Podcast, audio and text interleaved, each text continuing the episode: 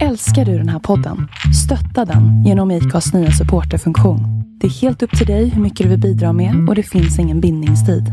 Klicka på länken i poddbeskrivningen för att visa din uppskattning och stötta podden. Äran och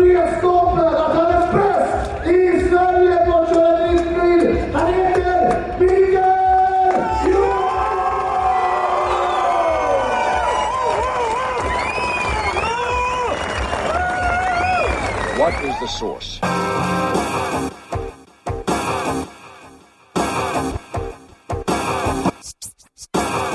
One, two, three, set it!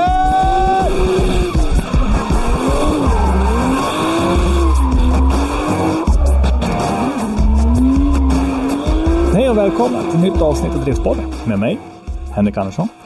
Christer Hägglund. Och Robban Strandberg. Tjena gubbar, allt bra? Nej. Nej.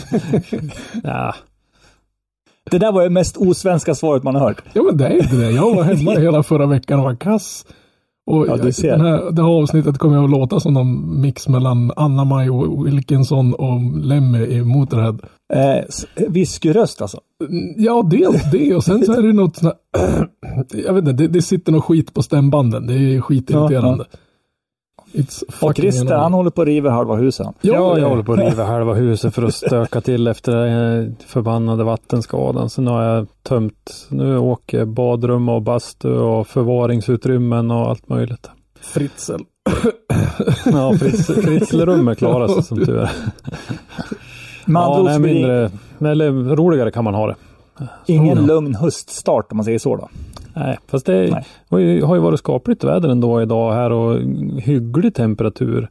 Så eh, jag var faktiskt ute och tog mig en liten MC-tur för en liten stund sedan här. Så man fick lite frisk luft i ansiktet i alla fall. Jag fick någon meddelande från någon kompis som bor lite, han bor strax söder om, om Mittsverigebanan. Han hade skrapat rutorna en morgon här. Ja. Det är fan, det är nära nu. Kanske dags att damma av vinterdäcken på moppen då med andra ord. Mhm. Eh, I alla fall, eh, dagens avsnitt kommer ju handla mm, nästan bara om finalen. Som var för en helg sedan ungefär. Mm.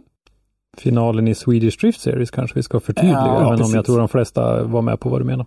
Det är säkert många som sitter och undrar, men varför kom ni inte ut med något avsnitt direkt efter? Men livet, sitta i bilen hem, podda, nej, det blev bara inte så. Vi Eh, var, vi var väl hemma tidigt söndag morgon, både du och jag, Ja. Robban. Så att, eh, att spela in under söndag eftermiddag blev en lite övermäktig uppgift för oss. Och sen har Henke jobbat eftermiddag. Så att, Det har gått fet bort kan jag säga. Jag, jag tror jag låg som ett grått mongo hela, hela söndagen. därför sitter vi nu, söndagen efter. Men fortfarande finalen färskt i minnet, så det är bra. Ish. Ja. Ish. eh, vi kan ju börja med, ni två var på plats, Yes. upplevde det det där. var vi. Eh, om man tar intryck av eh, runt omkring, vad, vad tycker ni? Ja, det var ju väldigt mycket vila. Alltså väldigt mycket vänta kanske man ska säga. Mm. För det vart ju det att på, på fredagen när, när kval och sånt var, det, då var ju jätte, alltså det var ju makalöst. Alltså man kom ju från banan vid sju. Kunde lägga sig och slappa på hotellet och göra, bara hinna med livet på största allmänhet. Annars brukar man ju svimma i, i, i säng vid två snåret på natten. Så här. Men här var ju sju, då var man så här duschad och hade till och med bokat bubbel. så, så jag, jag bara skämde bort mig som fan. Jag tänkte, det här är final så här. Ja, det var skönt. Jag och flickvännen, vi gick ju på restaurang och hade en, en riktigt eh, trevlig kväll där på, ute på stan. Så det var, nej men det var, Kan, man säga flickvän vid våran ålder? Är, är det ja, det där, det där har vi faktiskt diskuterat lite grann med lite olika, jag, jag har ju brukat kalla henne för vän innan ganska ofta. Eh, just av den anledningen för att jag tycker att flickvän och tjej låter lite juvenilt. Så här, lite Ja, men- ja men det, låter, det är svårt när man, när man passerar 30 är det jättesvårt med en flickvän så att säga. Ja, men, Men- eh, nu har jag börjat falla till föga och kalla henne för det i alla fall. Vad, vad, vad, vad de brukar säga? Friends with benefits. Ja, Ja, men fast vi, är- jag skulle nog vilja säga att vi är lite mer än Friends Ja, with jag tänkte Benefits. säga det. Ni är ett par. Ja, vi är ett par. Mm. Men, eh, ja. Ja, vi men får det är svårt. Men eh, trevligt var det i alla fall och eh, skönt som du säger Robban att komma ifrån banan i, i ganska god tid och ja, orka leva. Mm. Sen var det ju en ganska sen tävling på lördagen då, så att eh, en av oss var ju lite chill och åkte inte dit förrän vid tre, kvart över tre på eftermiddagen. Och en annan kille tittade bara på sådana tidsschemat och så bara for han. Och han satt där i... Och vi säger så här, det finns nog inget rum i den här anläggningen som jag inte har besökt. Bara så här, undrar var den här dörren är öppen. Alltså så sjukt jävla tråkigt i två timmar där. Eh, Gre grejen var väl att eh, de räknade ju med en topp 32 som inte blev. Ja, alltså, Det var väl det som pajade. Det fanns utrymme för den i tidsschemat, så Ja. var det ju. Ja. Sen eh, själva eh, körningen och det där, det var ju 27 förare som var där på plats. Mm. Eh, varav 24 tog poäng i kvalet. Jag tror att de var 26 som körde kvalet. Eh, Rickard Ivars, han körde ju tyvärr ras på den här VR6an i sin Audi RS5 på fredag Ja, det- det var ganska väl- tidigt på det var väl dagen. träningen bara då han var? Jag tror inte Ja, han- jag var ju tvungen att arbeta, förvärvsarbeta en stund där på dagen. Jag så jag kom fram på eftermiddagen till Östersund och då var det där redan ett faktum. Eh, Så att det måste ha varit ganska tidigt där på fredag mitt på dagen någon gång. Och Det eh, hände väl en hel del där på träningen va? Ändå. Ja, Det gjorde väl det. det var det. Men den, den där var fast nog den var- som var värst. Ja, jag tror det var bara den som ledde till en, en no-show i, i kvalet så att säga. Sen såg ju bilarna ut som tattars, eh, en del av dem. Men Ja.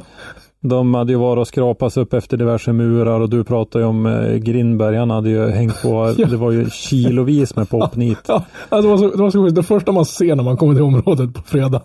Man, ja, går man bort och kollar läget på banan så ser man Grindberg upp och gör någon sån rail slide som man vore en jävla skateboardåkare. Ja, alltså, hans bil var lika mycket på andra sidan muren som på insidan muren. Och då hade de ändå lagt zonen en meter ifrån, ifrån betongen. Så han var typ, han var nästan fyra hjul av i den zonen, vilket är en bravad. Och sen, ja, alltså hade hans bil varit svart. Då har han haft en death metal-bil. För jag har aldrig någonsin i hela mitt liv sett så mycket nitar på ett och samma ställe som den bilen. Och det märkte man på, eh, när man kollade på liven så såg man ju det. Just zonerna hade de ju tänkt till Ja, och dragit ut dem ifrån alltså murarna. Ja det var ju bra. Ja, bortsett från den som var där uppe vid, under VIP-läktaren så att säga. För den var väl nästan cross Ja, den var cross på, med- ja. Mm. Det var en ganska svår zon, i störst, både i lead och chase under hela helgen såg man. Mm.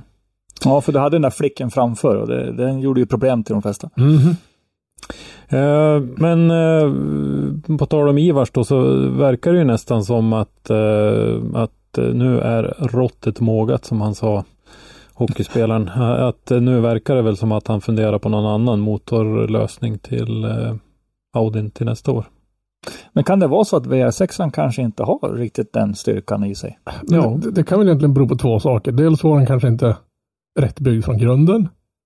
Alltså det här, det här är bara vilda spekulationer. Det här är inget belägg för överhuvudtaget. Men för alltså det, är, det är en ganska okej motor i övrigt. De har ju kört långlopp, alltså DTM och grejer med de där. Så jag menar, det är en, det är en beprövad spis så sett. Men sen vet man inte kanske mm, ivern att jaga tusen plus häst och så är det en enda, när man är på den gränsen, alltså är det en enda sak som inte är 100 procent, då är det ju godnatt. Mm. Och man såg det när han, Ja, det han hade det där haveriet att Ivars är en glad prick. Alltså han är, han är sprallgubbe så det finns ingen hejd. Men Stevie Wonder hade sett på hans kroppsspråk att det här är inte en kille man ska närmas. När man ser räddningspersonalen gå i en loop runt en annan människa efter en sån där sak. Han, Jag alltså, förstår besvikelsen. något så fruktansvärt. saken. Att, att han inte bara hällde Alltså, alltså hade det varit min bild hade jag bara letat efter en tändare i fickan och gått bort till bränsle påfyllning så bara pff, låter skiten bränna. Fy fan vad arg och ledsen han var då. Och jag, alltså det, det gör ont i själen att se. Jag kan tänka mig det, för det har ju varit lite strul under- under säsongen. Ja, faktiskt, det, har, ja, det är så jävla tråkigt. Vi har ju som inte diskuterat riktigt med Rickard om han har något stöd ifrån sitt jobb på Audi. Han jobbar ju åt Audi som många av er vet. Eh, och om det i så fall begränsar hans möjligheter att välja vilket drivpaket han vill.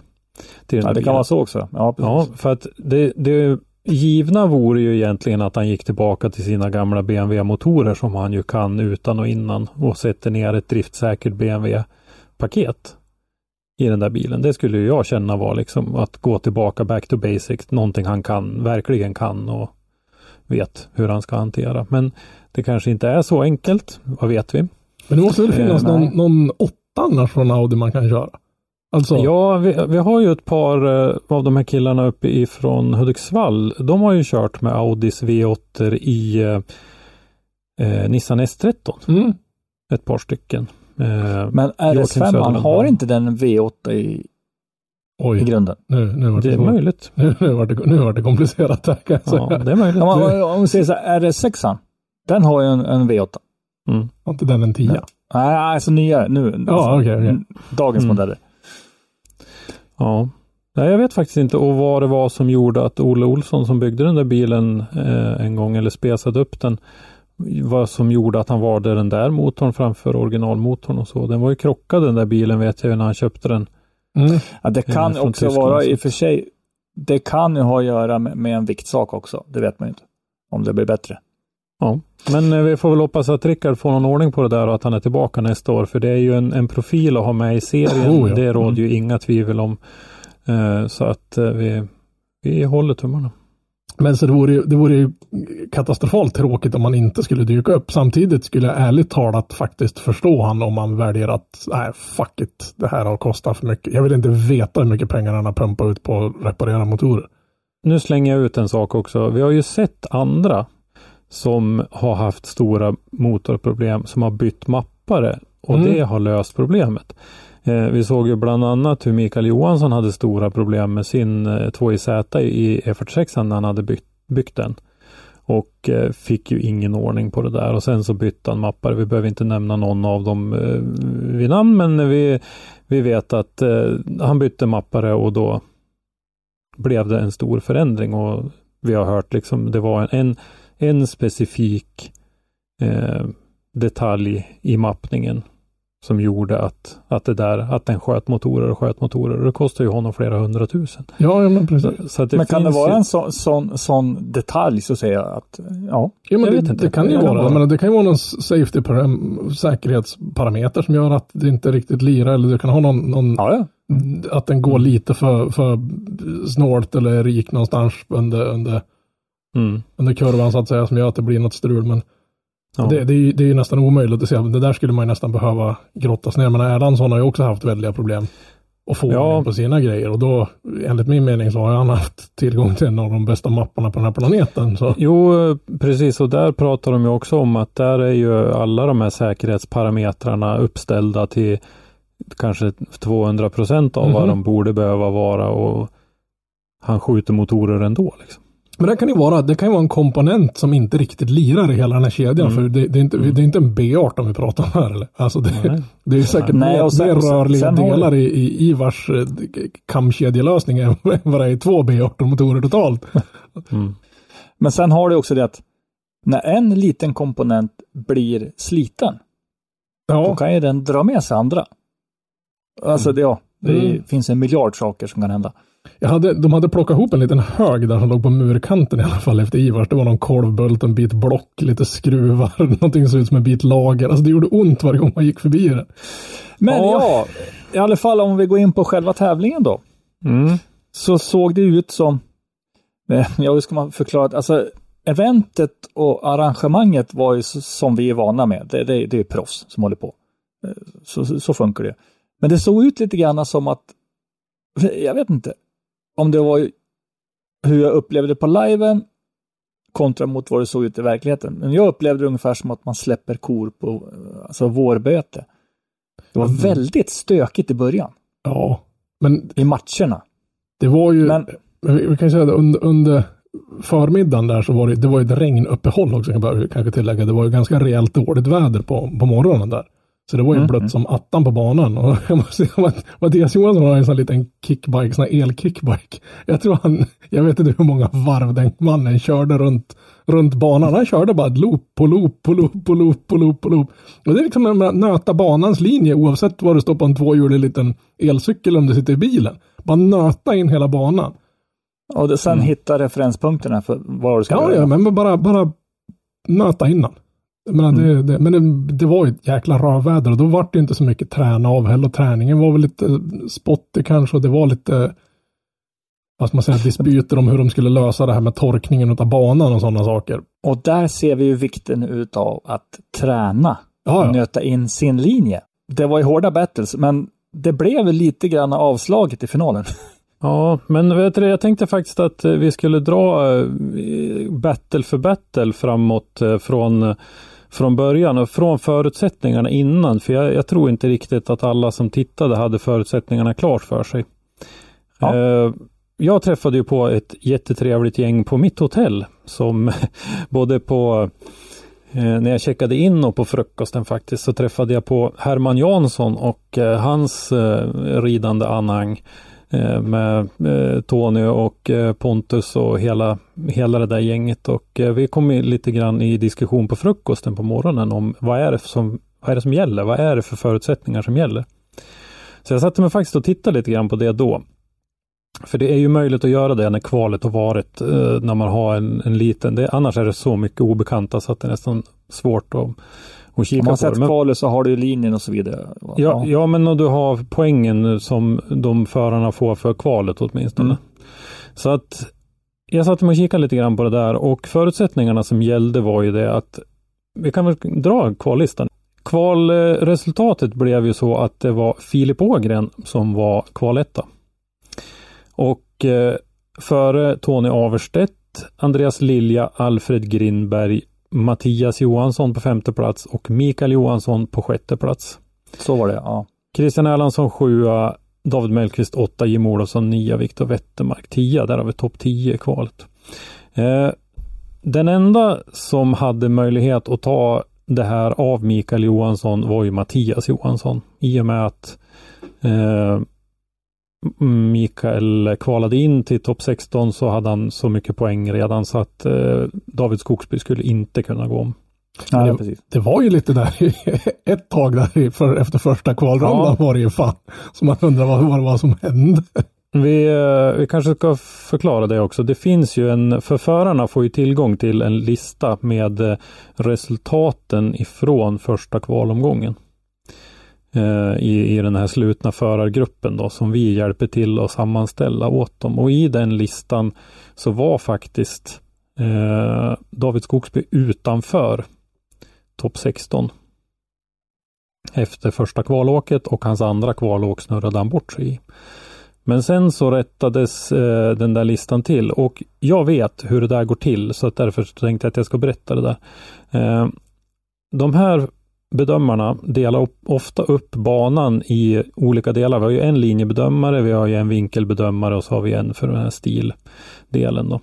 Och de delar ofta upp banan i sektioner för sig själv.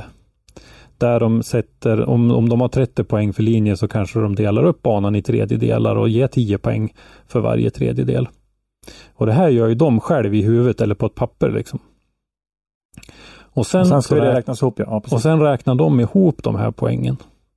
Och det finns mattelärare någonstans som ligger och snurrar i sina gravar. För de här grabbarna är inte alltid supervass på att summera ihop de här poängen i huvudet. Så efter, efter att kvalet är färdigkört, då sätter man sig och så går man igenom alla de här siffrorna och kontrollräknar allting. Och då fick David en poäng till. Det var en felräkning någonstans där antagligen. Så han fick en poäng till, tror jag det var. Och eh, hoppade upp till trettonde plats. Så det finns en, en eh, förklaring till det där om det var någon som såg att han låg utanför eh, i den här listan. Och det kom ju rapporter om det, om att ja, först var han utanför och sen så var han Mm. innanför. Så, ja. Men sen så hade väl, rätta mig om jag har, är helt ute och cyklar nu, men var det inte så att eh, både Mattias och Micke kval, alltså efter första kvalvändan så var inte ens de med i topp 16. De kvalade väl en bit utanför där. Ja, jag tror en av dem var med och den, eller om de låg så här typ 17, 18. fjol, Nej, jag ja. tror att de låg 14, 16 och sen var Skogsby Ja, okej, utanför. så, så var det. Men de, de, de gjorde ett katastrofalt första vända Ja. där som man stod och undrade om det här verkligen skulle bli år, århundradets floppfinal innan det var över. Men eh, då gjorde de ju ett betydligt bättre andra åk eh, så att de blev ju alltså då kval femma och kval sexa. Och förutsättningarna som gällde det var ju det att eh, Mattias Johansson alltså blev kvalfemma. han fick sex poäng. Eh, man får ju seriepoäng även för kvalplaceringen. Om man skulle gå vidare då och vinna tävlingen då skulle det krävas att Mikael Johansson placerade sig som bäst trettonde. Och det skulle då i sin tur kräva att Micke Johansson och alla som placerade sig före honom i kvalet, förutom Mattias då. Det vill säga Filip Ågren, Tony Averstedt, Andreas Lilja och Alfred Grimberg också åkte ut i topp 16. Ja, för Alla- att de skulle inte få den platsen. Ja. Precis, därför att de var tvungna att åka ut för att trycka ner Micke i Annars om, han, om bara han åkte ut av de här i topp 16, då hade ju han blivit nia. Mm. Och då hade han fått så mycket poäng i alla fall. Så att de var tvungna att få de här före sig som trycker ner sig till trettonde plats. Då. Eh, jag tänkte att vi kan dra igenom respektive battle och så kan vi kommentera lite grann Mm. kring den. Eh, därför att det här var mer spännande än jag tror att folk förstår. Det här var jätte, alltså på plats var det här. Jag, jag, alltså det var- man, man läser, läser chatten på sidan om där, typ, vad var en Mm. värdelös grej. Det enda som var liksom med, det var finalen, alltså de sista, Ja, det var de enda två battles som var med. Ja, men det var tyckte så jag helt- antiklimax liksom. Ja, det var ett stå på antiklimax, plats. absolut. Sen vet jag inte om det har att göra med showen och publiken och liksom hypen runt, men jag tycker det var en riktigt, riktigt bra tävling. Ja, nu har jag du Henke som eh, vad heter det, tittade på liven. Jag har snabbspolat och snabbtittat igenom den. Drog Dennis och Rickard Lord de här förutsättningarna hur spännande det här Nej. egentligen var? Nej. Nej, inte vad jag hörde. Eh, In, inte så uttömmande så att jag reagerade på att jag hörde det. Man Okej, så. Det tycker jag är synd. Därför att här hade vi peggat upp för en, en rejält spännande final. Vi, vi kommer ju till varför jag säger så här. Därför att den här tävlingen levde ju längre än vad många förstår. Nu ska jag inte, jag ska låta det vara osagt så. Nej, jag hörde ingenting om Ja. eh, alltså poäng och så vidare. Nej, jag vet i förra årets eh, livestream så hjälpte ju jag till att ta fram de här förutsättningarna på slutet där med hur långt respektive var tvungen att gå för att vem skulle vinna. Men i alla fall. I topp 16 då så börjar vi ju med Albert Eriksson mot Filip Ågren. Eh, slaka mustascher Albert han eh, har ju haft lite problem med motorn under i princip hela säsongen. Den har ju käkat remmar snabbare än en åttaåring på tivoli. Ja.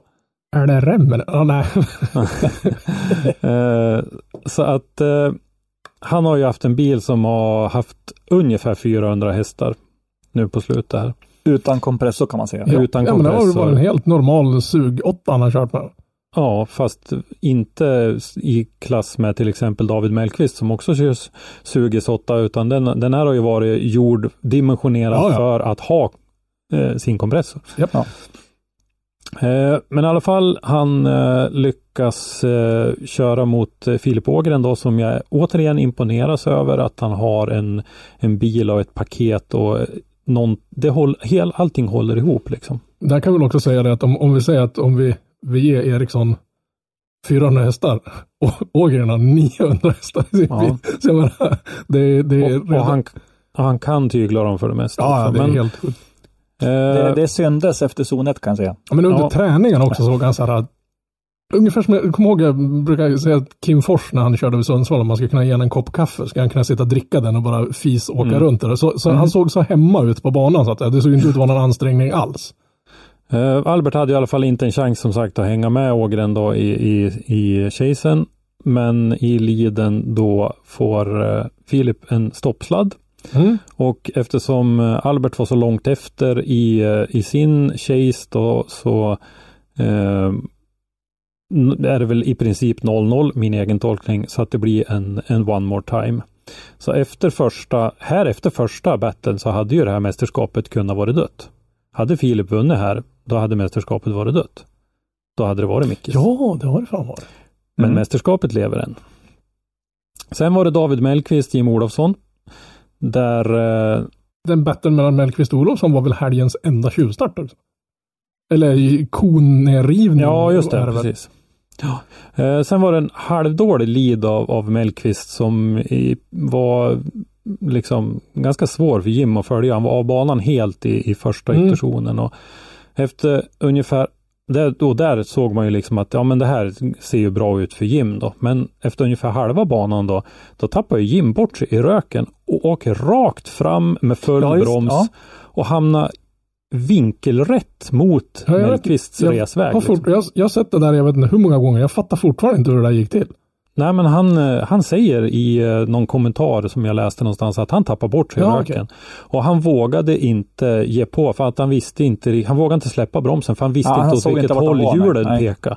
Det är ju i och för sig en ganska Han visste inte vart sund- bilen skulle sticka iväg om man släppte inställning att bromsarna. pallnita där. Man, I och för sig tyvärr krockade de ihop det, men det var inte mycket alls. Ja, det största precis. skadan var väl när Mellqvist tyckte att nu ska jag åka härifrån och köra över sin egen front. Ja precis, och bägge förarna fick ju stopp som sagt och att det, det small ihop men inte allt för hårt. Då. Ja, det var en Där lätt så- touch. Ja. Ja, precis, och där får Mellqvist skälig tid då för att eh, Ja, man blev bra ihop. chockad när man satt, satt och kollade på liven. För du får ju en helt annan syn på liven. Mm. Ja, Och, och Det- då ser man ingenting. Sen ser man Jim komma i 400 knyck ungefär, bara rakt Ja. på. Bara, Men- ja. Där, där vi stod på banan såg man inte den här incidenten överhuvudtaget förrän röken hade skingrats. Det Det var ser så man mycket tänkte åh nej, gick Mellqvist in i muren och, och Jim rätt in igen? Har han trebenare eller har han krockat med varandra? Vad har hänt? Utan det, det var Ja, först vi- när man kom hem och såg det på, på eftersändningen så att säga, vad som faktiskt hände. Ja, och vi hade ju en liten bit att gå också. Vi stod ju på fel sida om eh, den här jättestora Mm. monitorn så att vi kunde ju inte titta på den hela tiden heller. Eh, Alfred Grindberg, David Skogsby. Där var Skogsby av med två hjul i ytterzon 2 i sin lead. Eh, hade konstig linje inför eh, näst sista ytterzonen. Men då snurrar Grindberg. Och han, hade, han hade ju haft problem just i det där området Men då hade han ju varit i muren de flesta Ja. gångerna. Ja, Jag, jag fattar inte alls varför han snurrade. Jag, försökte- Nej. när man kikar på, på sändningen också, jag, det är liksom, jag förstår inte vad det var som hände. Om det var en, Nej. Men Antingen eh, att han safeade och, och missade någonting som man inte tyckte han såg. Eller, ja, jag vet Mm. inte. Skogsby går ju vidare i alla fall. Grindberg utslagen. Vilket innebär att mästerskapet lever fortfarande. Nu har vi strukit bort en av de här som var tvungen att åka ut för att Mattias skulle ha en chans. Mm. Eh, sen så får vi Albert Eriksson och Filip Ågrens One More Time. Och eh, det blir lite samma sak som i första, att Albert blir efter i chasen trots att han kapar rätt friskt i linjen. Men eh, i Ågrens chase så stöter han i muren i ytterzon 2 och eh, får stopp. Ja, någonting hände med Vinja. Ja, det... Så eh, då går eh, Albert vidare och kvalettan Filip Ågren utslagen, vilket betyder att mästerskapet lever fortfarande. Ännu mer lever. Ännu mer lever fortfarande. Ja. Sen så får vi då del två av eh, Mellqvist Olofsson. Där eh, det blir en, en, en bra lead av Jim fram till näst sista ytterzonen. Eh, och där får han någon slags stoppsladd då. Och eftersom Mellqvist nollade i första, det hade han ju redan gjort i och med att han var av i första ytterzonen då innan den här incidenten som hände med, med Jim. Mm. Och eh, så eh, blir det då eh, en One More Time. ja, för där har ju båda liksom i stort sett nollat sina, Ja. sina Mm. leadrundor så att säga. Precis. Men då har Jims växellåda gått sönder. Ja, det var Så- mycket sånt där. Alltså, Ja, precis. Nej, vad hände liksom? Och då är ju Jim, eh, han är ju slipad på tattarbrynet som morsan brukar säga. nej men han är, nej men eh, jag ska inte säga så, han är, han är, han är en smart eh, Ja, kille ja. där. Därför att han väntar ju då tills att Mellqvist är klar. Och då begär han sin fem minuter. Han begär ju inte fem minuter direkt. Nej, nej, nej. nej. Det hade ju varit att spela sina kort på ett De, de väntar ju. De, de, de, jag sprang ju Ja. bort dit eftersom Jims depå var alldeles i närheten och där jag stod och tänkte att det här måste jag bort och kika på. Ja. Och, och verkligen, så jag har drivit med bilder på det här. Då hör man hela tiden att tävlingsledningen är på och frågar och Jim bara, nej, jag tänker inte svara på det här än, jag har fortfarande tid på mig. Mm. Å, återkom när Mellqvist står på startlinjen, då får du ett svar av Mm. mig. Eh, så det blev ju så att när, när det var Mellqvists tur, eller det var deras tur så att säga, och Mellqvist var redo, då begärde han sin fem minuter och de gjorde ju ett försök att byta den här växellådan på de här 10 till 12 minuterna, eller vad det kan vara. Men, och de är ju otroligt nära att lyckas, precis som du säger. Men här ska jag framföra lite kritik till tävlingsledningen. Därför att för oss som eh, har möjlighet att tjuvlyssna lite grann på radiotrafiken, så var det inga tveksamheter om att det här blev rätt. Det här blev rikt, rätt och riktigt. Men man skulle ha kallat fram David Mellqvist till startlinjen för att visa det. Mm. För, dels för Jim och dels för publiken. Ja, för att få mer info ja. Ja, den här eh, eh, frågan med, med livestreamen, vi höll på att diskutera livestreamen och efter våran diskussion i förra poddavsnittet så har vi haft eh, Eh, en liten diskussion med Marcus Stenmark där han har förklarat vissa saker, varför det är gjort på vissa saker. Det är Marcus som för eh, Gatubils räkning är den som är ansvarig för livestreamen.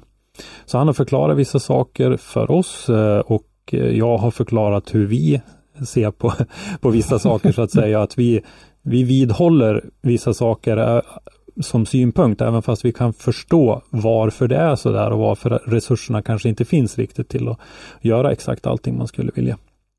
Men eh, det enda sättet som kommentatorerna verkade få åt sig information var via Richard Lords Messenger. Rickard får gärna rätta mig om jag har fel här, men Rickard var ju expertkommentator. Gör ett alldeles utmärkt jobb i den rollen, tycker Oh ja. jag för övrigt. Eh, men det skulle behövas ett, ett inflöde av information till eh, Att de skulle Kom- behöva vara med i loopen för tävlingsledningen. Ja, så. precis. Sitta och lyssna och höra lite grann mer.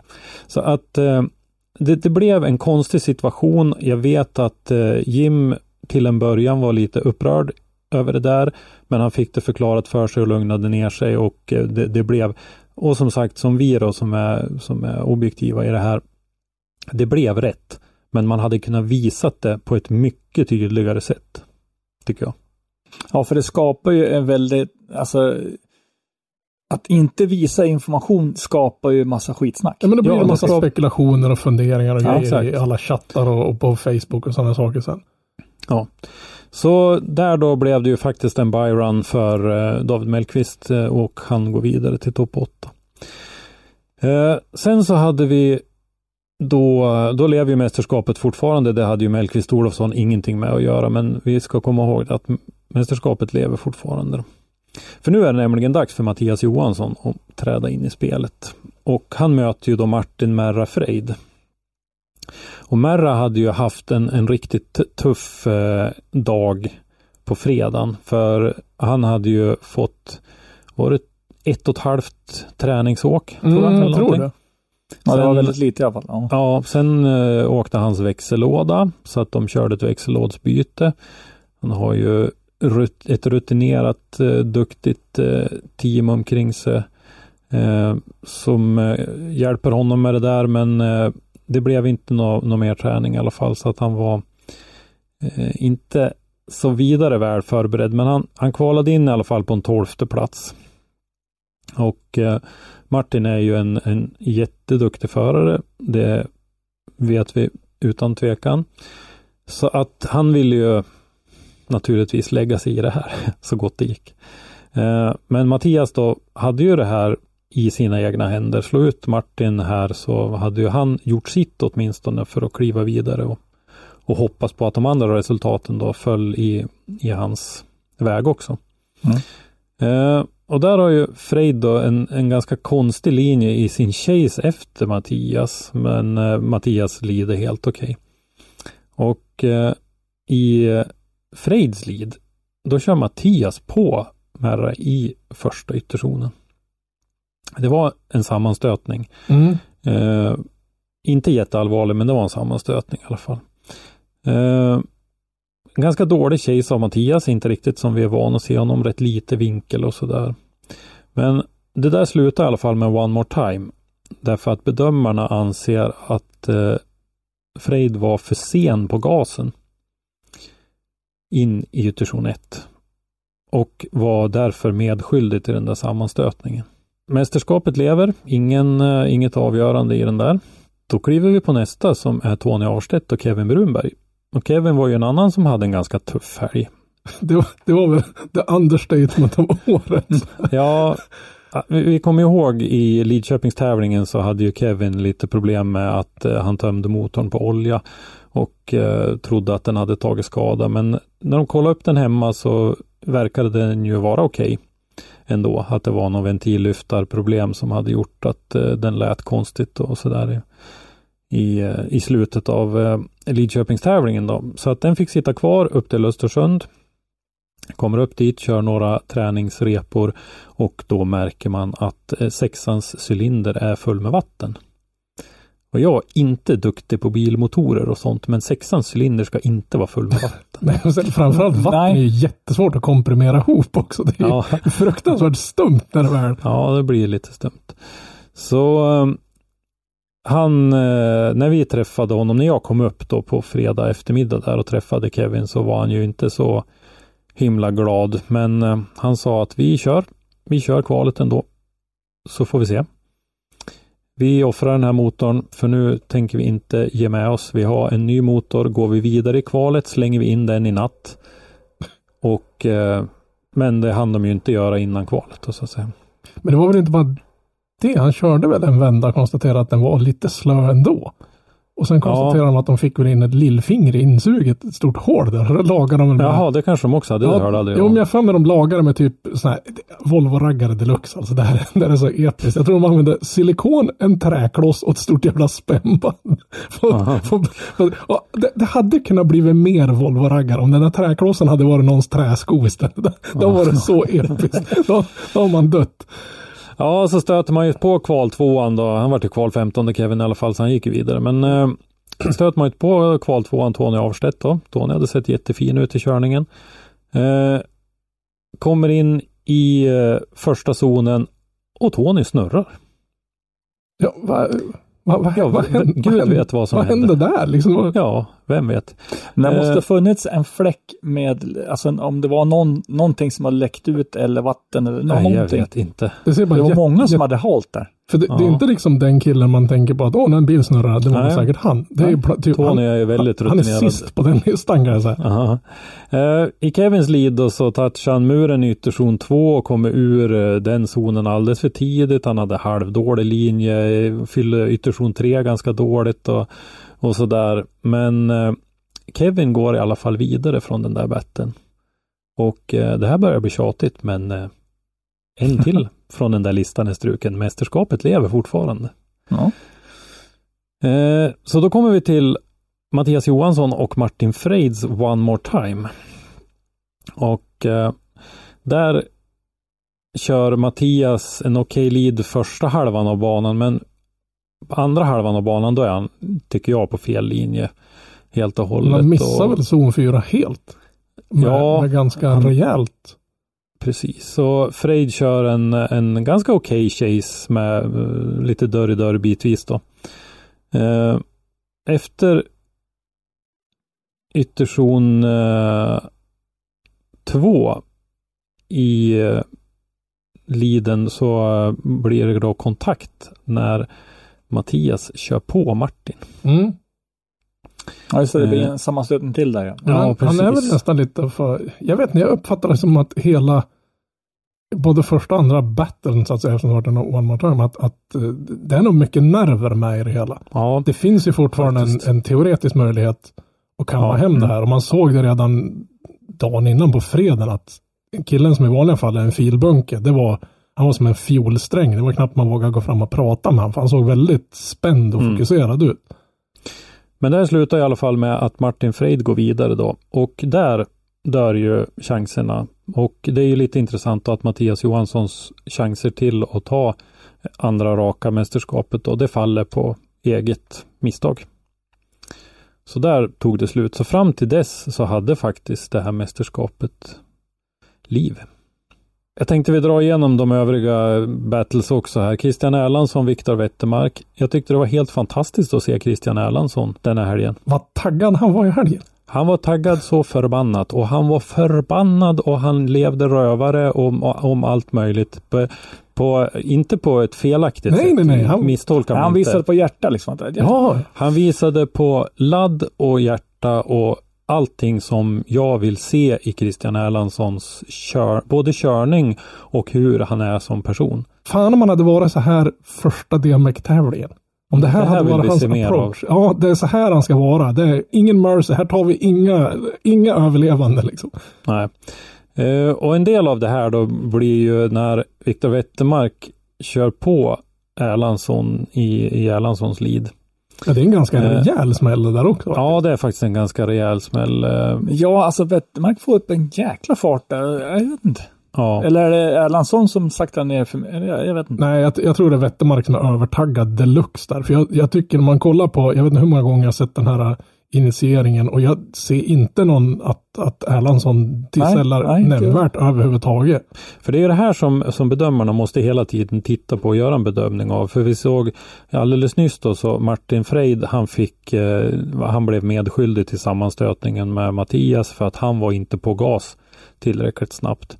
I det här fallet då så är det Wettermark i Chase som blir bedömd skyldig för att han är alldeles, alldeles för het på gröten. Och det här sitter ju bedömarna och tittar på och spolar fram och tillbaka och ser vems hjul är på, hur mycket rök kommer det och så vidare. Så att det där får man ju göra en bedömning. Men eh, De slår väl ihop ganska, ganska o, otrevligt också. De slår ihop hjul mot hjul så att säga. Det är inte kaross mot Ja. kaross. utan Det, det är fälgarna som slår ihop mot varandra. Och då såg man ju Precis på. Erlandssons fälg sen att den, Ja, nej, han fick ju skälig tid på sig att fixa till bilen då, för det var ju en fälg som gick sönder i den där kollisionen. Eh, fortsätter vi i, i tidslinjen då så är det här som eh, David Mellqvist får köra sin byrun i, i One More Time mot Jim också. Sen hade vi Andreas Lilja och Åhäll? Åhäll, precis. Robert Åhäll. Eh, vi sa ju att vi hade lite tekniska problem i förra avsnittet och eh, ett, en av de grejerna som vi tyvärr inte fick med i det avsnittet var ju när vi berättade att Andreas Lilja kom eh, tvåa i Iron Drift King i Mm. Tyskland. Så att vi får väl passa på i det här avsnittet och istället att gratulera Andreas till den Mm. jättefina insatsen i en tävling med många deltagare och, Oh ja. och hård körning på en tuff bana. Så det, att, det eh, syntes att den bilen inte var, om vi säger så här, rulla inte ur det ur lackbåset och få till Östersund om vi säger Nej. så. Den såg bra Ehm, skinn ut. Men han kom i alla fall, tyckte jag det såg ut som lite stärkt av den där andra platsen faktiskt Andreas. Och eh, tog ju, tycker jag, ganska lätt hem den där batten mot Åhäll som stretade emot det han hade. Mm. Eh, och eh, Andreas Ja, Lilja hade bra fart i bilen. alltså. Det hade han ju. Ja, och Andreas var ju då faktiskt den enda av topp fem i kvalet som går vidare till topp åtta. Ja, det blir jag. Och eh, Erlandsson Wettermark då, andra åket. Eh, när Erlandsson är klar med sin skälig tid så bryter Wettermark för att han, eh, hans bil blev också skadad och han var ju bedömd som eh, skyldig till det där. Så han fick ju inte någon tid på sig utan han hade ju fått begärt sin fem minuter då och då gjorde de bedömningen att de skulle inte hinna fixa det på den tiden. Jag hann aldrig uppfatta om det var lådan eller bakvagnen eller vad den, troligtvis bakvagnen relaterat efter Troligtvis den smällen. Men, men jag, jag hörde Ja, för det liksom var ju en hård smäll. Ja, den, den var Ja. ordentlig. Men jag, jag hörde liksom aldrig vad det var som pajade Nej. det. Men han var ganska snabb eh, som jag förstod det med att säga att han skulle Ja. bryta. Så att. Eh, sista batten i topp 16 då, det var ju Mikael Johansson mot Henrik Johansson. Mm. Micke kör en bra lead. Henrik rakkör lite grann vid ytterzon 3 och nollar. Andra åket blir helt okej av båda men Micke ganska klart vidare ändå. Då.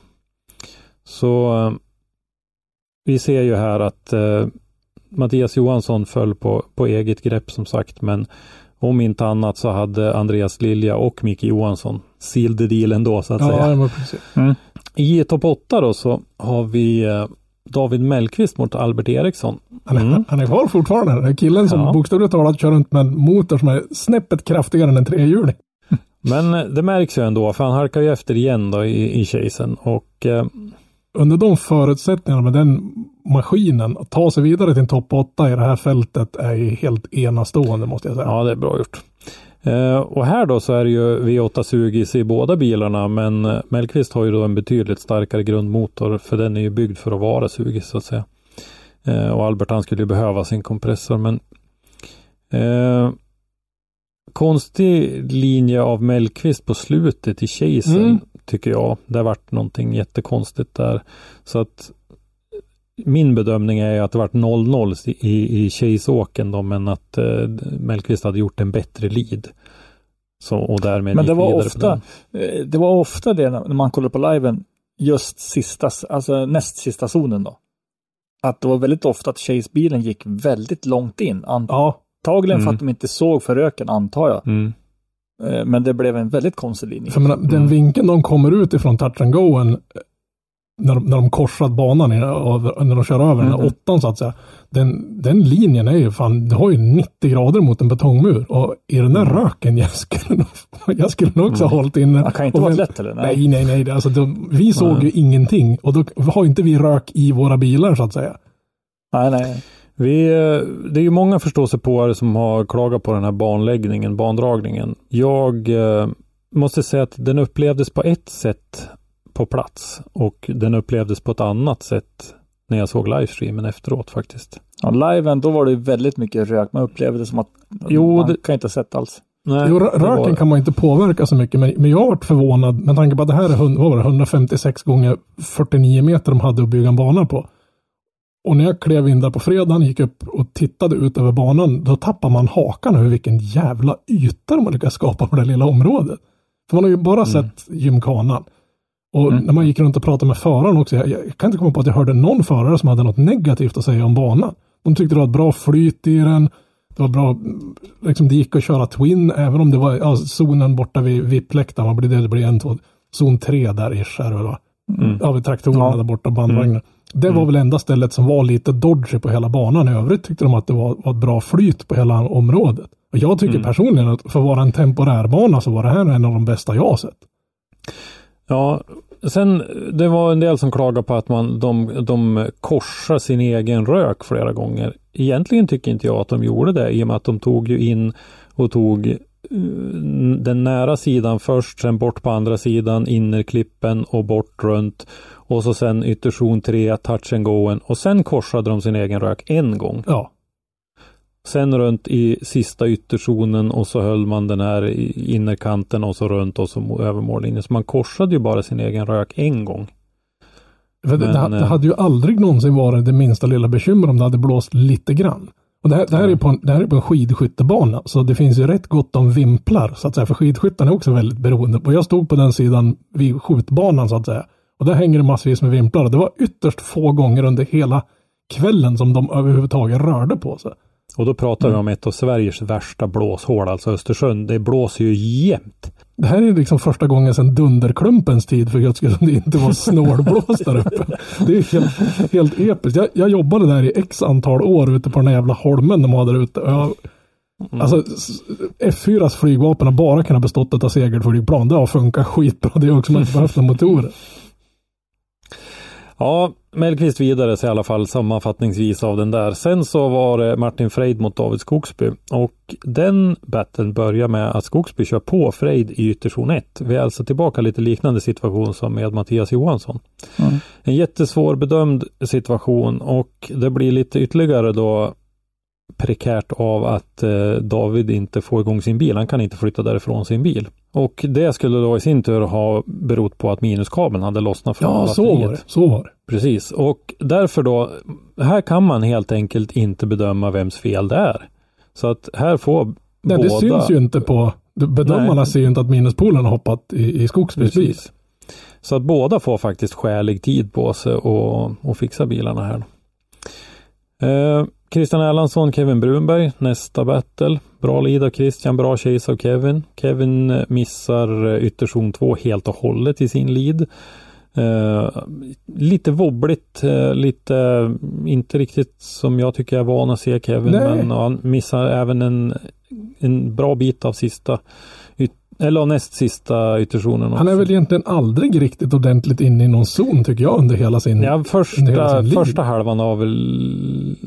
Ah. Ja, nej, det Ja, var... är, nej. ja, alltså det är väl inte solklart. Han, han är ju, han är ju i dem, men det är på, på gränsen. Han Ja. ligger och kör på, på, på linjen i stort sett. Och det var Ja. väldigt o-Kevin att se det där, måste jag säga. Ja. Eh, bra chase av, eh, av Christian också då. L- var att toucha in någon mur lite grann men inte så att det, det ska ju synas att grejerna är att, säga. eh, sen då sista i topp 8 var ju faktiskt en ganska spännande battle med mycket pang-pang. Eh, Andreas Lilja, Mikael Johansson. Det är ju två killar som skjuter skarpt. Jag tänkte säga, man trycker in hörselskydden en bit extra där.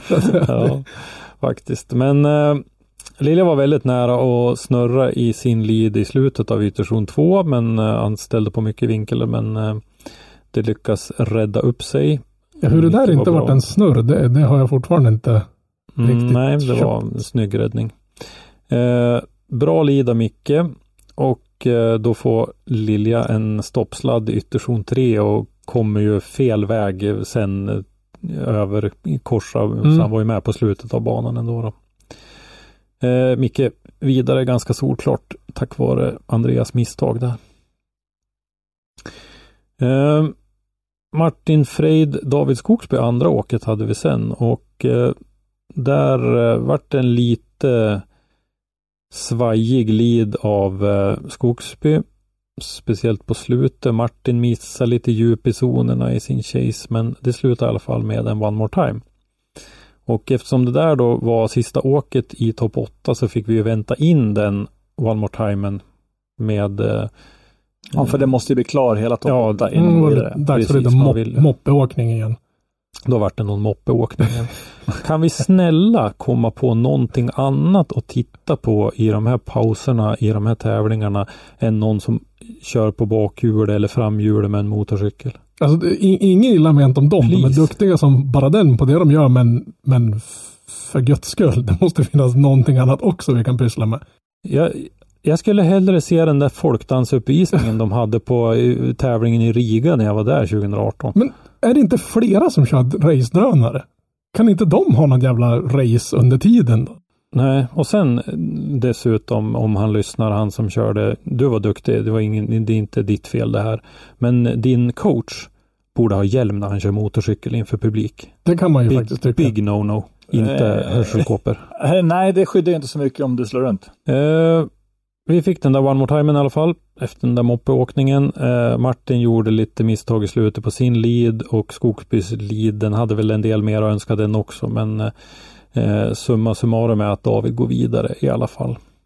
Vi vet inte det, men hur mycket avdrag får de för att ligga grunt i zonerna? För det var väldigt många, både leads och chase, där de eh, snudd på missar zonerna helt, hela. Men Mm. de verkar inte ha fått avdrag eh, vad man Men, vet. men det man måste tänka på också var att zonerna var ju dragen, de flesta zonerna var ju dragen en meter plus utifrån muren. Och när, Ja, när, ja. när linjerna började nötas bort så var det faktiskt ganska svårt att se. Och speciellt när vi stod på banan tänkte man, han kan inte ens ha varit i närheten av zonen. Och så kom man hem och kollade på, på liven och så bara han fyllde den klockrent. Man Mm. är så van att se att de lägger zonerna så långt nära murarna så att säga. Men där hade vi ett, också- ja. ett gäng eh, jätteduktiga funktionärer som var ute och målade i de där Mm. linjerna. Eh, Bland annat då när den här motorcykelåkningen pågick så var de ute och målade i och de eh, tog de här chanserna som var när det vart väntan på olika sätt.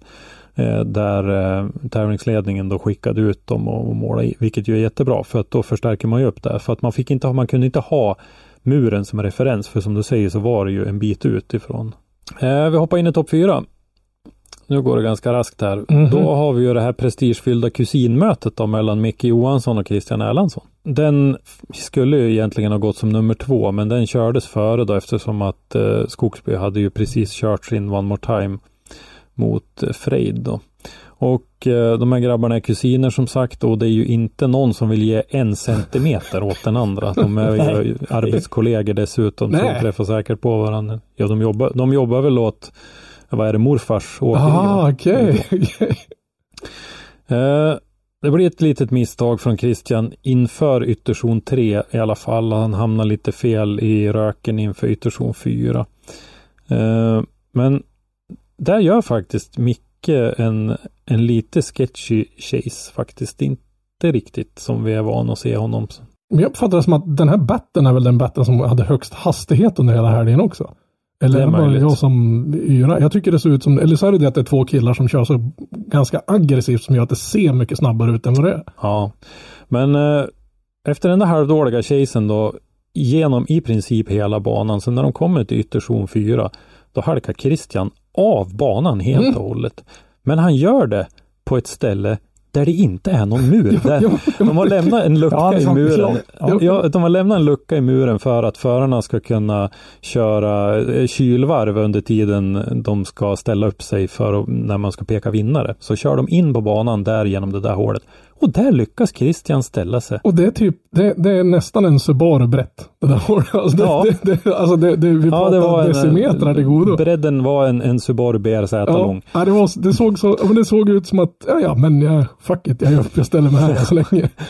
Eh, annars så hade han ju stått och ganska snyggt parkerad med hela bredsidan Ja. i en betongmur och det hade säkert blivit Det var väl lite en, en meck att, få därifrån han också. för Han stod så pass Jo. inkilad så att det gick inte att backa till den här bärgningsbilen snyggt. För då är det en murkant i vägen där. För hade det här gått lite fortare, då har han ju klippt kortändan på, på den här Ja. murbiten som var kvar där. Precis. Orsaken till att han gjorde det där var ju att han hade ett brustet styrstag. Så Jaha, att e- ena hjulet eh, slängde ju bara med. Så det där var mer, mer tur än skicklighet tänkte jag säga. Det var en jävla bonröta. Ja. Hade inte kunnat sluta, det hade kunnat sluta riktigt, riktigt illa. Ja, det hade det. Och den skadan kan ju klart ha kommit eh, med förra touchen med Wettermark. Ja, ja eller, eller materialslitage eller vad sjutton Ja, som helst. ja. Alltså det, Nu, nu kommer jag inte ihåg om det var höger eller vänster sida. Jag fick mig att det var vänster, men eh, det törs det borde vara höger som Wettermark stött i. Men eh, oavsett det så, Micke vidare till final i alla fall. Då. David Mellqvist, David Skogsby. Hygglig lead av Mellqvist. Fram till ytterzon 4, då kommer han i helt fel linje. Och det då i sin tur leder till att Skogsby överroterar. Eftersom David inte alls är där han ska vara. Eller David och David. Eh, Mellqvist är inte där han ska vara. Så, så eh, Skogsby gör en bättre lead än vad han gjorde i topp 16 och topp 8 Mm. där jag inte tyckte att han övertygade i sina leadåk. Eh, men eh, Mellqvist har en ganska grund linje i sin chase. Men David Skogsby går vidare till final i alla fall. Men Det är nu den F- men börjar komma. Ja, han kör ju hela sin battle men då svänger de ju in genom det här nyss omtalade hålet i eh, muren och ska ta sitt kylvarv. Och då blir Skogsbys bil stående mitt i banan med helt låst växellåda. Så där så blir det ju det här antiklimaxet vi pratade om tidigare. Att när det mest spännande av allt ska till att avgöras, kommer ni ihåg förra året i Linköping? Mhm. hur in i hela fridens spännande det var inför sist, de här Mm. två sista battlesen. Det, det här var precis tvärtom. Det här var Jag, precis jag har tvärtom. sett Det här bara, färg som har torkat som var roligare. ja, därför att i battlen då om tredje plats mellan Christian Erlandsson och David Mellqvist så kommer Erlandsson inte till start. De såg ingen möjlighet, för man får ju inte ta fem minuter från topp åtta och framåt. Mm. Så att De, de, de såg ju ingen... liksom inte fixat. Nej, de hann inte fixa det där styrstaget. Det kanske de hade hunnit gjort om de hade haft en fem minuter att ta, men det hade de inte möjlighet till. Så det blir en byrun för David Mellqvist. Finalen mellan Mikael Johansson och David Skogsby. Ja, där står ju Skogsby och har fel på sin växellåda och kommer inte ur fläcken. Vilket innebär att det blir en förvisso riktigt snygg eh, byrun Ja, ja. Micke Johansson. Det var en, en snygg showrunda. Men det blir ju inte riktigt den finalen vi har tänkt oss. Nej. Tyvärr. Men och här samtidigt i, i liven så gör de ju en det är liksom luften går helt ur tävlingen där. Efter, efter att Skogsby står där på plan, då är det, liksom bara, är det bara som du säger, bara, ja, och man får liksom Tyvärr. ingen egentlig Ja, tävlingen, tävlingen var ju i princip klar då. Ja, Ja, jo, men, jo, jo. Ja. Men man får liksom ingen riktig förklaring. Sen hade jag en liten bra idé. ja det hade, de hade ju samma idé i liven också. Hår, nackhåren reser sig. Christers ögon svartnade för första gången någonsin. jag tyckte att, men då borde ju, borde, borde väl de två bilarna som fortfarande är fit for fight, bara för the hell of it och för showen, borde väl de få köra en liten, bara en uppvisningsbattle tillsammans? Nej, se det, det, det föll inte god ton med, herr Hägglund här inte. Eh, det Och finns ju sen faktiskt. så dessutom så, så kör väl Micke sönder sin bil under sin byrun. Ja, precis. Han hade väl tydligen Ja. svetsat koppling ganska rejält också under, var det fredag va? Mm. Han hade Ja. väl kört, det var väl helt, det gick väl inte alls att frikoppla som jag uppfattade det där. Det var väl ordentligt ras på kopplingen. Mm. Så det var ungefär som att säga så här, ja, men nu är folkrace-säsongen över, nu ska vi rasa. Är det någon som kommer från den här banan med en hyfsat helbil? Ja. Jo då, det tror jag. Men vi, vi måste komma ihåg en sak. Här, de här Byron-åken här, de är inte bara för, för showen. Nej. Står du inte där och har din, ditt shit together och din bil i ordning, då är kvalplaceringen, eh, jag ska ta det här med en liten brasklapp, men jag är ganska övertygad om att det är så. Står du inte där och kan köra din Byron, då är det kvalplaceringen som avgör Mm. vilken eh, som Som kommer att ta vinner, hem ja. den där batten. Eh, nu var Christian Erlandsson före David Mellqvist i kvalet. Om jag inte minns alldeles fel va? Men, men Så var Erlandsson kval 7 Mellqvist kval 8. Så hade inte Mellqvist tagit sig fram där, ja, då hade Erlandsson blivit trea istället. men, men låt säga, för de behöver väl egentligen bara passera startlinjen. Det behöver inte ens initiera om jag har förstått det. Nej, du kan inte. rulla igenom banan. Men för showens skull, då har ju de här två kunnat bara pi, kört Ja. ut och så bara vikt av Jo, jo. direkt in på kyl och sen släppt. Så det, var, så det har blivit en battle på slutet. Alltså Mm. även om det inte var någonting som faktiskt gjorde något för showens skull. För gym, gymkanan är ju en showtävling. Ja, det var ju fantastiskt med publik. Ja, det, Jag vet inte om vi har hört någon officiell publiksiffra.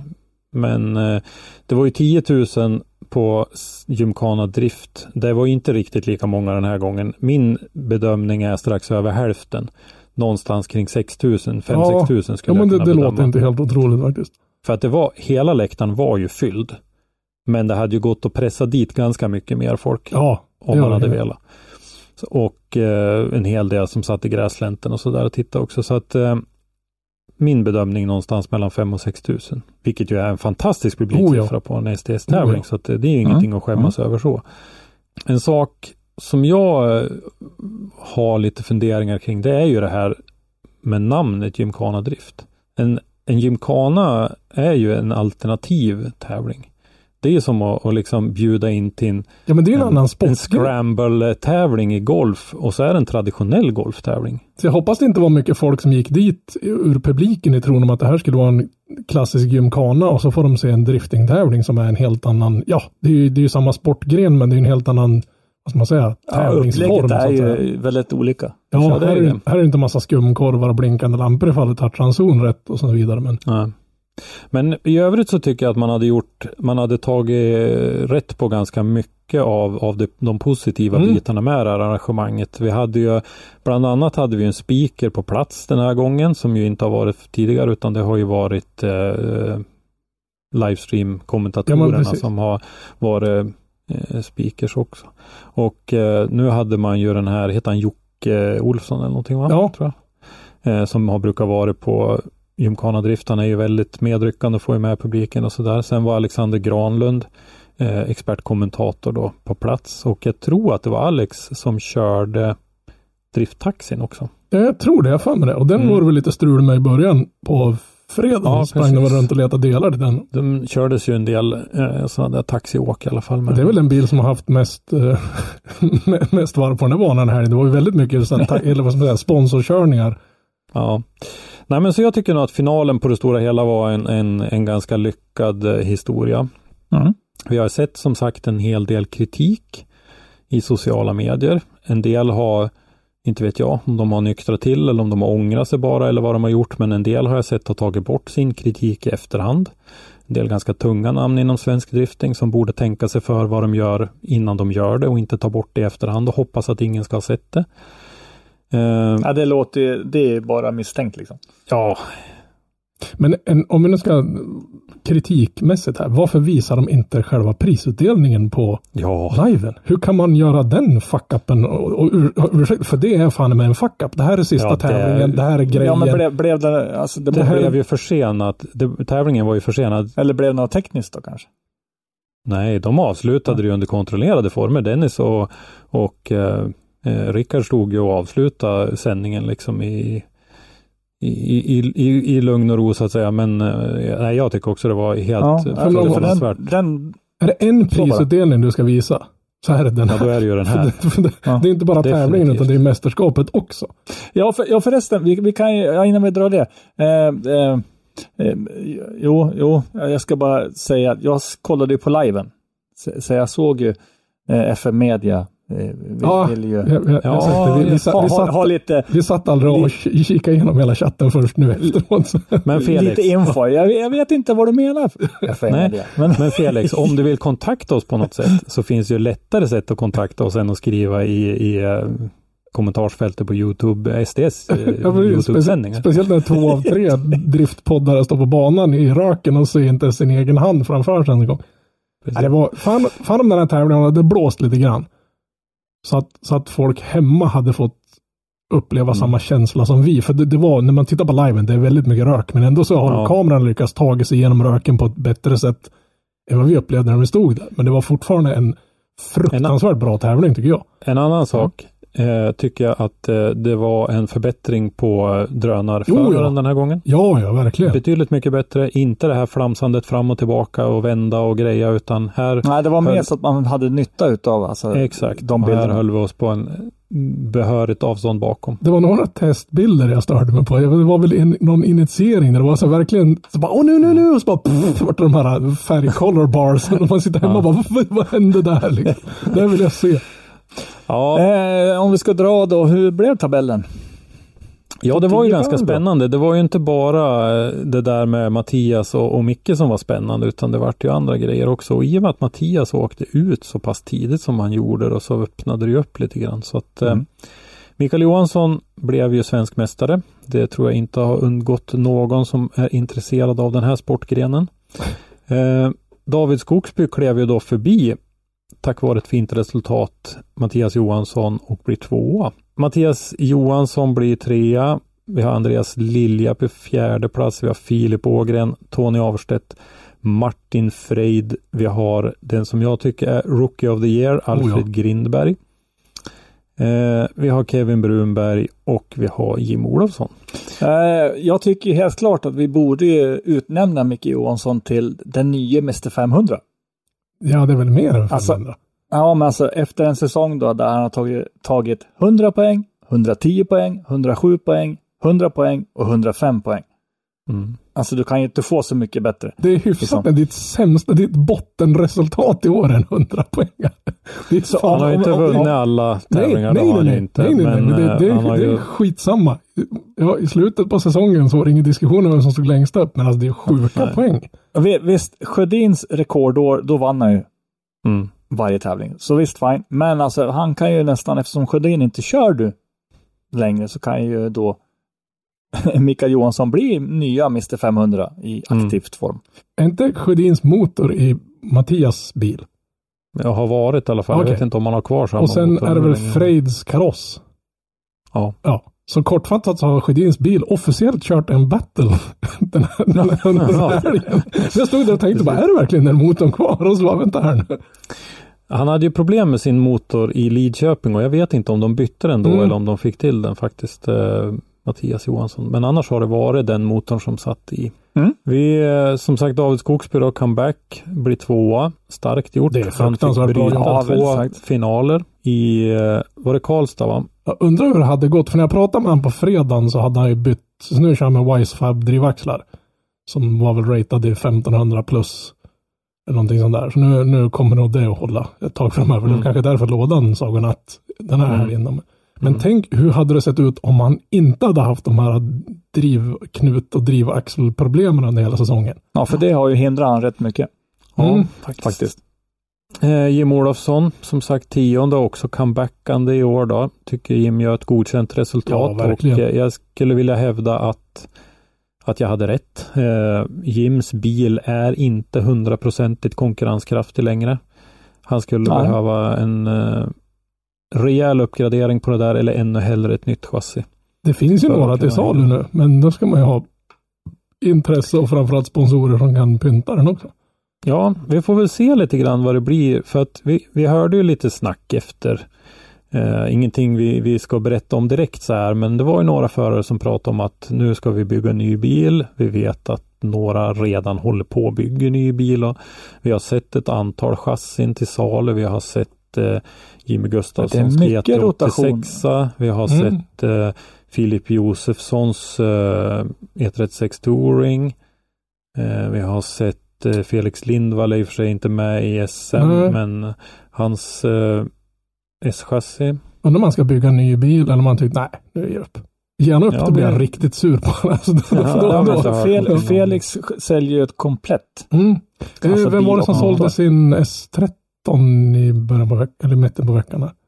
Ja just det, Andreas Staberg så, så var det, så var det. har sålt sin bil. Eh, riktigt synd, Andreas är en favoritförare till mig. Han är också en sån här som eh, har gjort bra ifrån sig under, under en följd av år här. Vet om han säljer bil på grund av att han är trött på S-chassit och ska bygga någonting nytt eller att han lägger hjälmen på hyllan? Som, som jag förstod det så visste han väl inte riktigt själv. eh, Men Han skulle ta ledigt några dagar i alla fall. det jag har hört tuggas om, inte, jag har inte pratat direkt med Andreas så vi, vi flaggar lite för att det är hörsägen men han, eh, det, det här året har kostat på rätt mycket. De bytte ju motorkoncept inför det här året, började köra 2JZ och har haft problem och eh, det har kostat motorer och kostat en Usch. himla massa pengar.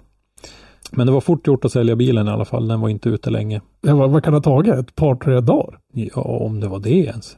Sen har vi ju några som vi tycker borde göra comeback eh, som har kört in sina nya chassin. Då expertkommentatorn i livestreamen, Rickard Lord. är ju Han en sa väl att han skulle göra en comeback. Sen Mm. vet vi inte om han kommer att köra gatubil eller om han kommer att köra SM. Jag ville se i SM. För det skulle Mm. vara skitkul att se han och den bilen där. Han, han sa ju så att vet du, det, kan inte bara bygga ett nytt chassi och inte tävla. Utan han Nej. skulle ju tävla, men han sa ju inte vad. Eh, Om man säger så då. Sen har vi ju ett gäng förare som eh, inte har varit med på alla tävlingar som byggde nytt inför året. Vi har Henrik Isaksson ett exempel jag kommer att tänka på som ju inte har varit med så mycket och sådär som vi ju skulle vilja se mer av. Mm. Tycker jag. Ja, det är Mm. hoppas på att det är fler som kommer att liksom bygga nya saker under, under off-säsongen. Ja, framförallt att fler kommer tillbaks. Och även nya kommer upp i Mm. SM-serien såklart.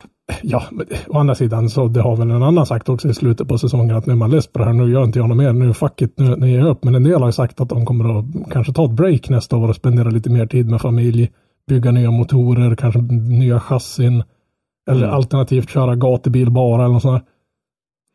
Den tar ju inte bara pengar, den tar ju även resurser i andra format också. Så att, Jo, så är det. Men eh, ja, vi får se vad det blir. Och vi har tänkt att vi kanske ska göra en ordentlig genomgång lite längre fram här. Både vi själva om serien, om vad som gick och hur det eh, vad som blev som vi hade trott och tänkt att det skulle bli och vad som inte blev.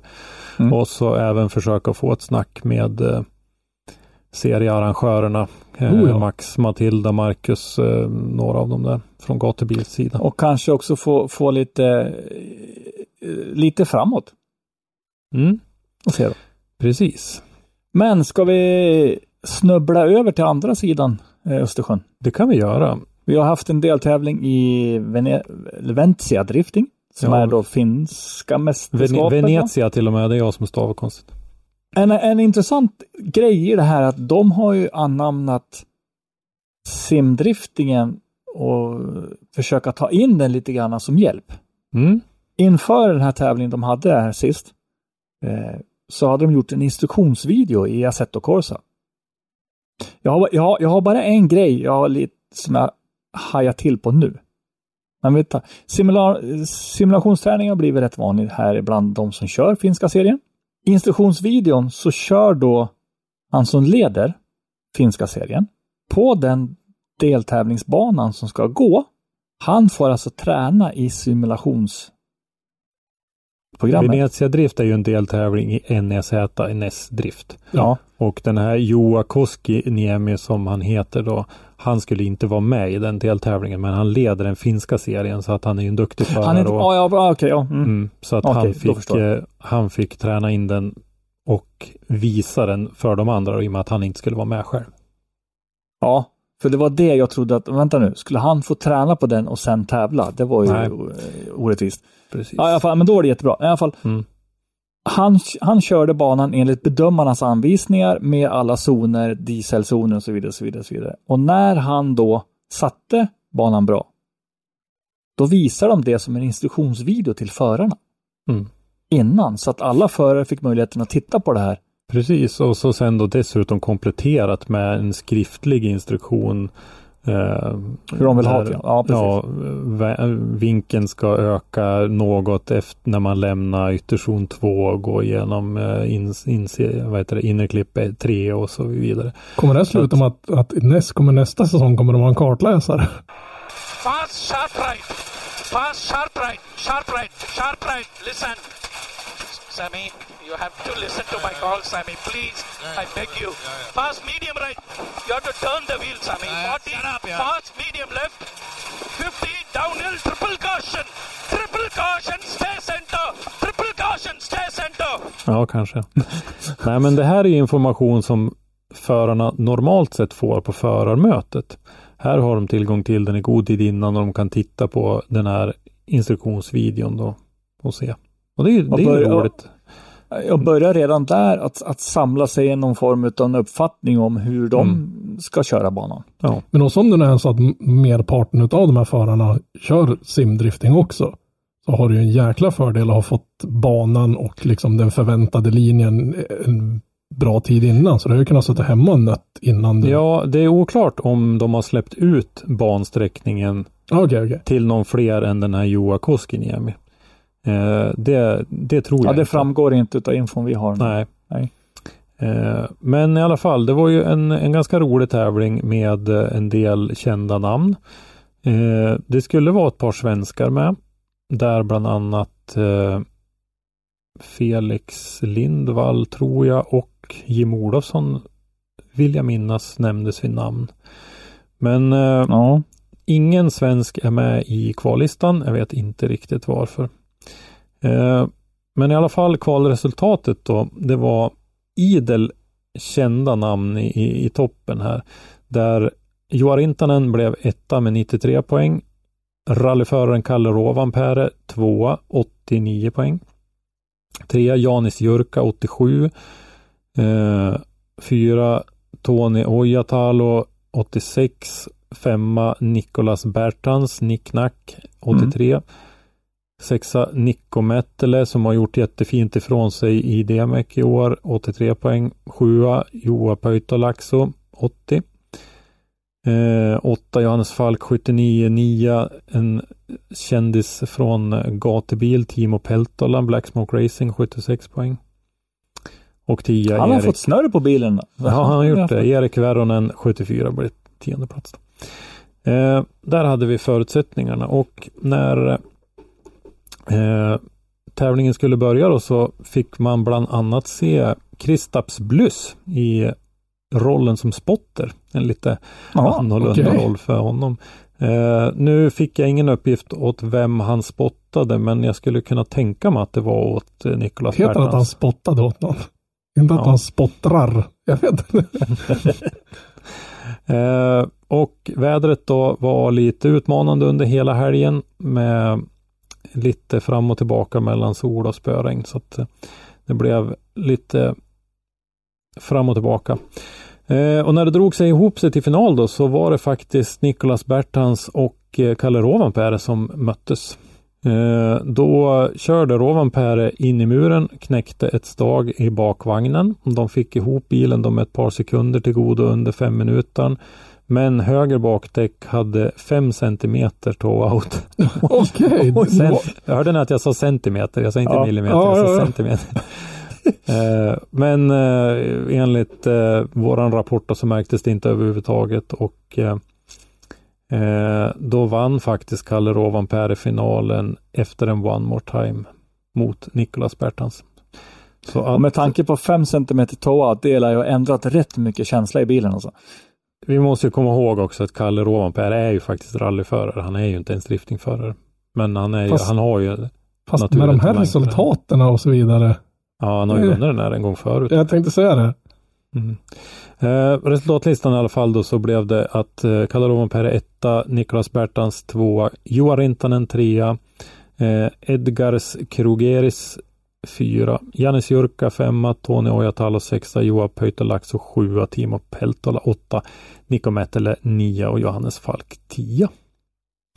Så det verkar vara en bra tävling. Mm. Synd att den inte sänds live så man kan se den. Det tycker jag är så tråkigt. Ett litet tips till NES. Kan inte lösa någon form av livestream. Men vänta nu, vänta nu, vänta nu, vänta nu. Jag tror faktiskt att det fanns en livestream den här gången. Eh, via någon sån här eh, Solid eh, Tango eller Solid Sport eh, Jaha. faktiskt. Så att det fanns faktiskt en livestream den här gången. Men varför fick vi inte info om det då? Rätt ska vara rätt. Vi, Ja. eh, vi i form av jag fick den infon i ett eh, PM. Jaha. Men vi, eh, jag har inte sett någon reklam om det. Nej, nej precis. Jag menar, det har inte utgått någon reklam för det. Nej. Men det är bra i så fall om de börjar välja den banan också. Så att vi kan få se hur... För, för vi får ju ibland se norska serierna, sen så finska serier. Och NES Och det är ju... Ja. Det vore bra. Vad har vi mer än att säga stort grattis då till våra nya svenska mästare? Mikael Ja. Johansson. Värdig på alla sätt och vis. Ja, Jajamensan. med den poängen är det väl inte så mycket att orda om tycker jag. Var Nej, och sen jag tycker sättet han har Ja. vunnit på, sättet han har kört på. Det, Och han har ju varit så nära hela tiden nu. ja, och vi pratar om det här med att ha ett helt paket.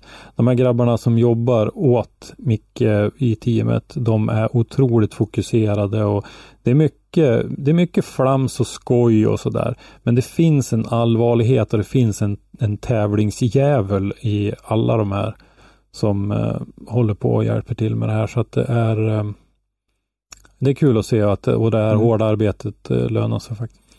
men man, man såg det vid, när han stod där innan de ropade upp han eftersom ni tyvärr inte fick se prisutdelningen. Men man ser det när han står där borta liksom, och fastän han har vetat om i säkert en timme att han är svensk mästare. Så man ser det liksom, det tar tag innan poletten trillar ner för han. Han var så fokuserad och stod där liksom och koncentrerade sig på att de skulle ropa upp hans namn och sen nästan bara brast det för han. Det var så jävla skönt Och, att se. eh, på vilket, han är nummer två inom svensk drifting med en sak. Vad? Oj, nej.